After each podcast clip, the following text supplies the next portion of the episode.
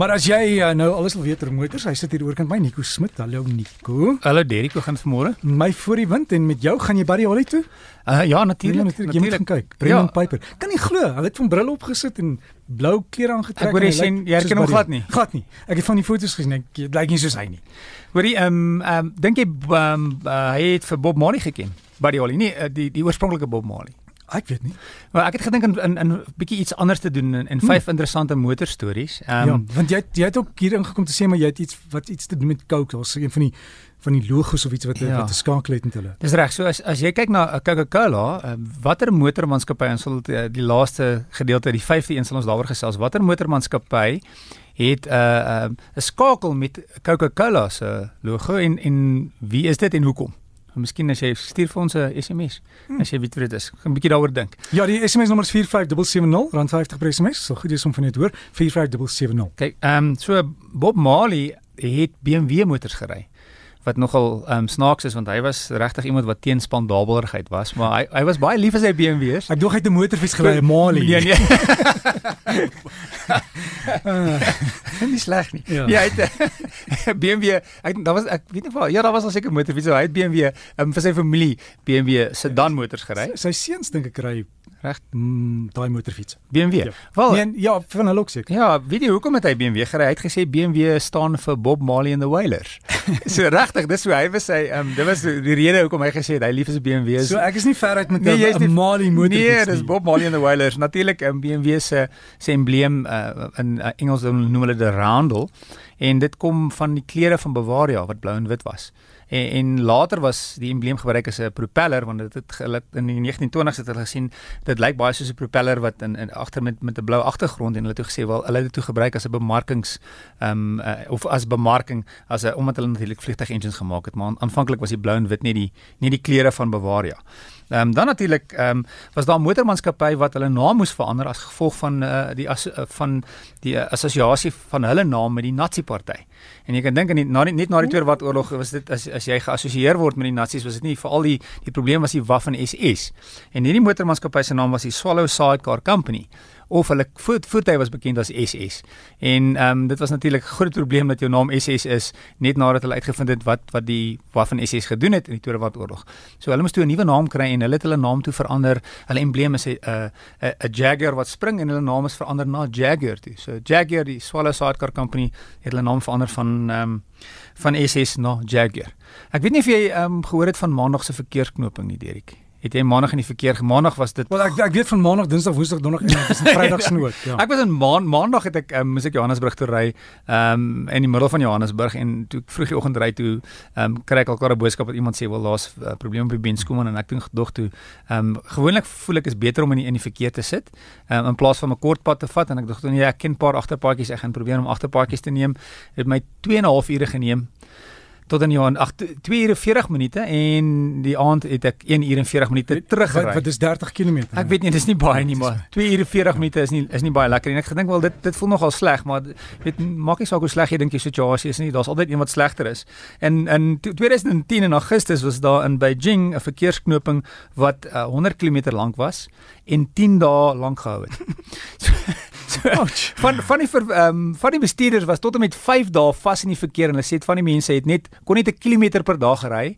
Ehm um, en dis uh, het dit hulle 5 dae gevat om uit die verkeersknoping uit te kom. En wat gebeur het is die rede daarvoor was hulle het konstruksie gehad in Beijing. Dit is op hulle snelweg, die Chinese National Chinese National Highway 110. Ehm um, en hulle eh, dis is veroorsaak deur vragmotors met pad konstruksiemateriaal vir paaie om die paaie te verbeter en dit het 'n uh, 'n 10 dae verkeersknoping oor 10 dae geneem om hierdie verkeersknoping um oop te kry. So ek dink ek ewe skielik voel my 2 ure en 40 minute of 5 dae in die verkeer nie meer so sleg nie.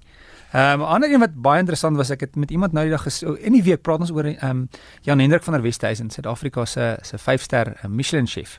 En ek ek begin dit nou dis nou interessant Michelin maar hoekom is dit Michelin en ek het 'n bietjie navorsing gaan doen en en waar dit vandaan kom is ehm um, in die 1900s in in Frankryk Michelin was 'n bandevervaardiger maar op daai stadium was daar net 3000 kar op die pad en hulle wou graag meer bande verkoop en die, en die manier om meer bande te verkoop is om mense te kry meer karre te te koop. So wat hulle gedoen het is die twee um, Michelin broers het toe besluit om om um, om 'n gids uit te bring vir vir bestuurders Ehm um, en ehm um, en wat die gids was was kaarte op daai stadium sê jouself jou eie bande vervang het. So hoe om om um, om bande reg te maak en hoe om bande te vervang, waar kan jy werktuigkundiges kry en waar kan jy hotelle en volstasies kry. So dit was maar aanvanklik wat die gids was en dit was 'n gratis gids. En die gids was baie suksesvol. Hulle het ehm um, 35000 kopieë alhoewel hulle 3000 bestuurders was 35000 kopieë in die eerste jaar vervaardig. So dit het baie goed gegaan in die twee, in die Eerste Wêreldoorlog moes hulle die gids stop. En toe in die 1920s het die een broer ehm um, Andre Michelin uh, weet 'n uh, uh, uh, bande ehm um, uh, vervaardiger of uh, uh, iemand wat die bande verkoop besoek en hy het toe gesien maar hulle het hierdie Michelin guides al die boeke gebruik en 'n paar op mekaar gestapel om om 'n werkbank regop te hou en hy het gedink hoor nie maar dit dit is mos nou nie wat ek wil hê vir my gids nie. Uh, en ek gee dit gratis uit. So hy het besluit om toe nou geld te vra vir die gids. En ehm um, wat toe nou ook gebeur het is hulle het agtergekom dat die gids het baie die die gedeelte in die gids wat baie populêr was was die gedeelte in die gids wat hulle na restaurante gekyk het en restaurante sterre gegee het. En so wat gebeur het is natuurlik dit het so populêr geraak dat die ander gedeelte van die gids het basies weggeval en die Michelin gids is nog steeds 'n assosiasie met Michelin bande, maar dis nou net 'n 'n geval van ehm um, mense wat na restaurante toe gaan wat wat niemand ken nie en dan kyk hulle na die restaurant of die kos of natuurlik die chef en jy jy wil graag 'n Michelin ster hê want dit beteken dat jy bekend is een een van die van die beste sterre in die beste restaurant tafel gaan nie skeef staan nie. Ja, en nog nie en nog nie messe en vurke op die vloer val terwyl jy terwyl jy besig is nie. Hm. En enige SMS'e iemand Ja, het 'n paar gekom. Ek dink mense raai. Iemand sê die Chevrolet Corvette Chris ja. en dan uit vereniging is dit Etienne wat sê Ford, dit lyk dieselfde tipe teks skrywer as ek is, is Coke ja. en nog iemand sê dieselfde en iemand sê Toyota en iemand anders sê dit kan die Ford motormaatskappy wees en iemand sê Volkswagen. Dis reg, dis Ford. En die hmm. rede ehm um, ehm um, vir Ford is dat aan die einde van die vorige eeu was die die fond wat almal gebruik het was bekend as die Platt Rogers and Spencer fond. So dis van soos Ariel ons vandag gebruik, hmm. was dit die fond wat almal gebruik het. So jy as jy na die fond kyk van Coca-Cola en die fond van Ford, is dit dieselfde fond. So dit was die populêre fond en dis ehm um, in die die maatskappye is omtrent in dieselfde tyd begin en dis hoekom hulle die fond gebruik het.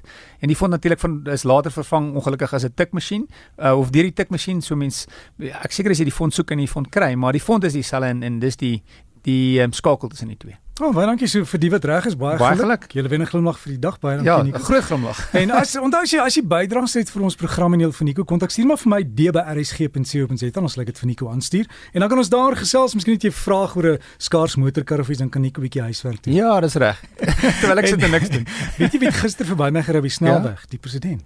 Regtig. Sy hele kavalkade, hulle is daar verby en is verbasend toe hulle die die spitsverkeer geleer en ja. almal net soort van liggies een kant toe vat ja. vinnig. Hulle kom verby en daar gaan hulle. Ek dink dieselfde ook maandag gesien. Ek weet nie hoe wie was maar daar was net blou ligte en karre ja. en motorfietsse en en, en dit is, is reg spitsverkeer almal beweeg stadig ja. en hier maak die see oop en ja. En kyk iemand iemand sê hoekom hoekom doen hulle dit? Uh, dis vir veiligheid. Want mm. kyk daar's sekere maniere hoe hulle die die president inblok net om seker te maak dis ons president. En as dit Barack Obama was of een van die Amerikaanse of Donald Trump, hulle maak net snelweg toe ja. vir 'n uur of 2. Ja, ons so, ons moenie kla nie. Ons is gelukkig dat dit nie snel weer toe maak nie, maar solank dit nie, nie elke tweede persoon is met 'n blou lig nie, dan is dit reg. Vir die president maak dit sin. Ja, ek wou nog waai maar dis verby. Stuur my SMS sê hallo. Alles in die beste Nico. Totsiens.